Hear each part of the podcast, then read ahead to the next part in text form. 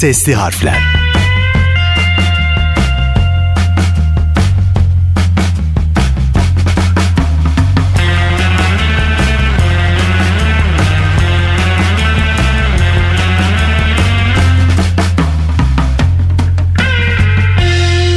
Sesli harflerden herkese selamlar. Ben Bahri Fedai. Her hafta yeni bir icat konusuyla sesli harflerde sizlerle buluşuyoruz. Umarım keyifler yerindedir. İcadımıza geçmeden önce hatırlatmak isterim. Sesli harfleri sosyal medyadan takip edebilirsiniz. Orada yaptığımız paylaşımlara da ortak olmanızı bekliyoruz. Lafı daha fazla uzatmadan icadımıza geçiyoruz. Sesli harflerin bugünkü icat konusu müzik aleti kahon.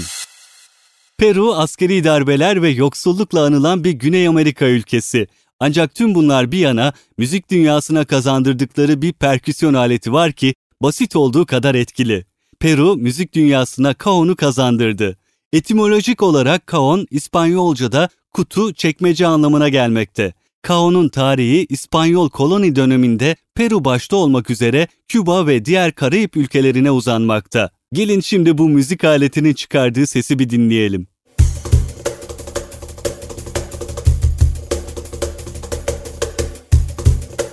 Ön kapak, arka, üst, alt ve yan yüzeylerden oluşan ve dikdörtgen bir kutuya benzeyen kahon, diğer yüzeylere göre daha ince olan ön kapağı elle vurularak icra ediliyor. Kahon yapımına ağacın pürüzlerinin giderilerek düz levhalar haline getirilmesiyle başlanıyor. Bir kaonun ortalama yüksekliği 46-47 cm, taban genişliği ise 20 cm'ye 35 cm.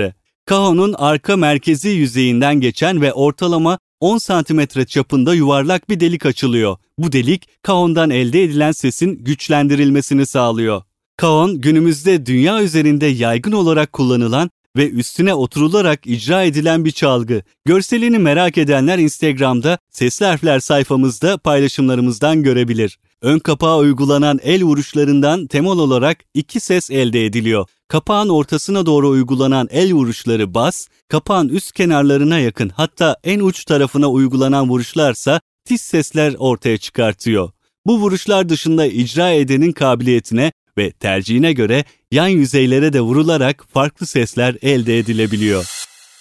İspanyol tarihinde fetih yılı olarak bilinen 1492 yılıyla birlikte İspanyollar Güney Amerika'nın neredeyse tamamını sömürge haline getirmeye başladı. İspanyol Pizarro yönetimindeki ordusu 1531 yılında yaptığı harekatla Peru'yu fethetmiştir. İspanyol askeri yöneticilerinin fethettikleri topraklarda kamu yetkilerini de ellerinde tutmasıyla birlikte yerliler üzerinde uyguladıkları baskılar bu topraklarda kölelik kavramının doğmasına yol açtı. Afrikalı köleler kendi kültürlerini birebir sürdürme konusunda engellemelere maruz kaldılar. Bu engellemelerden birisi de İspanyol köle sahiplerinin 17. yüzyılda kölelerin Afrika vurma çalgılarını icra etmelerini yasaklamalarıydı. Müzik sistemi bakımından ritmik yapının ve dolayısıyla bu ritmik yapıyı icra eden vurmalı çalgıların yoğun bir şekilde yer aldığı Afrika müzik kültüründen gelen köleler bu yasak karşısında neredeyse ses çıkaran her şeyi masa, sandalye, kasa, tahta kaşıklar, sandık gibi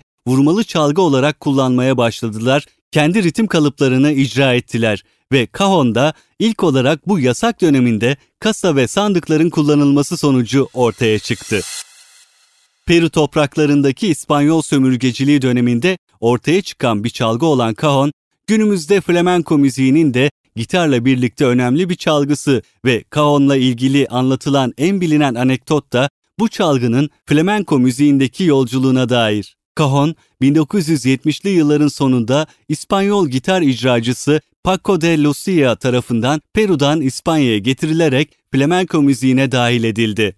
Cajon'un batıdaki bilinirliliğinin gözle görülür artışı İspanyol flamenco gitaristi Paco de Lucia'nın keşfiyle başlamış oldu. Lucia, 1978'de Peru'ya yaptığı bir ziyarette çalgının ritmik olanaklarından etkilendikten sonra kendi müziğinde kullanmak üzere İspanya'ya bir cajon getirdi. Enstrümanı ilk defa Madrid'deki Casa de Campo Parkı'ndaki tiyatroda kullandı. Böylece cajon müzik piyasasında ilgi çekici ve batıda tanınır hale geldi. 16. yüzyılın sonlarından bu yana kullanılan enstrüman aslında 1850'li yıllarda popüler olmuştu. 2001 yılında Cajon, Peru Ulusal Kültür Enstitüsü tarafındansa ulusal miras ilan edildi. Konumuzun burada sonuna geliyoruz. Haftaya yine hayatımızı kolaylaştıran bir icat konusuyla burada sizlerle olacağım. Ben Bahri Fedai. Herkese güzel ve mutlu bir gün dilerim. Hoşçakalın.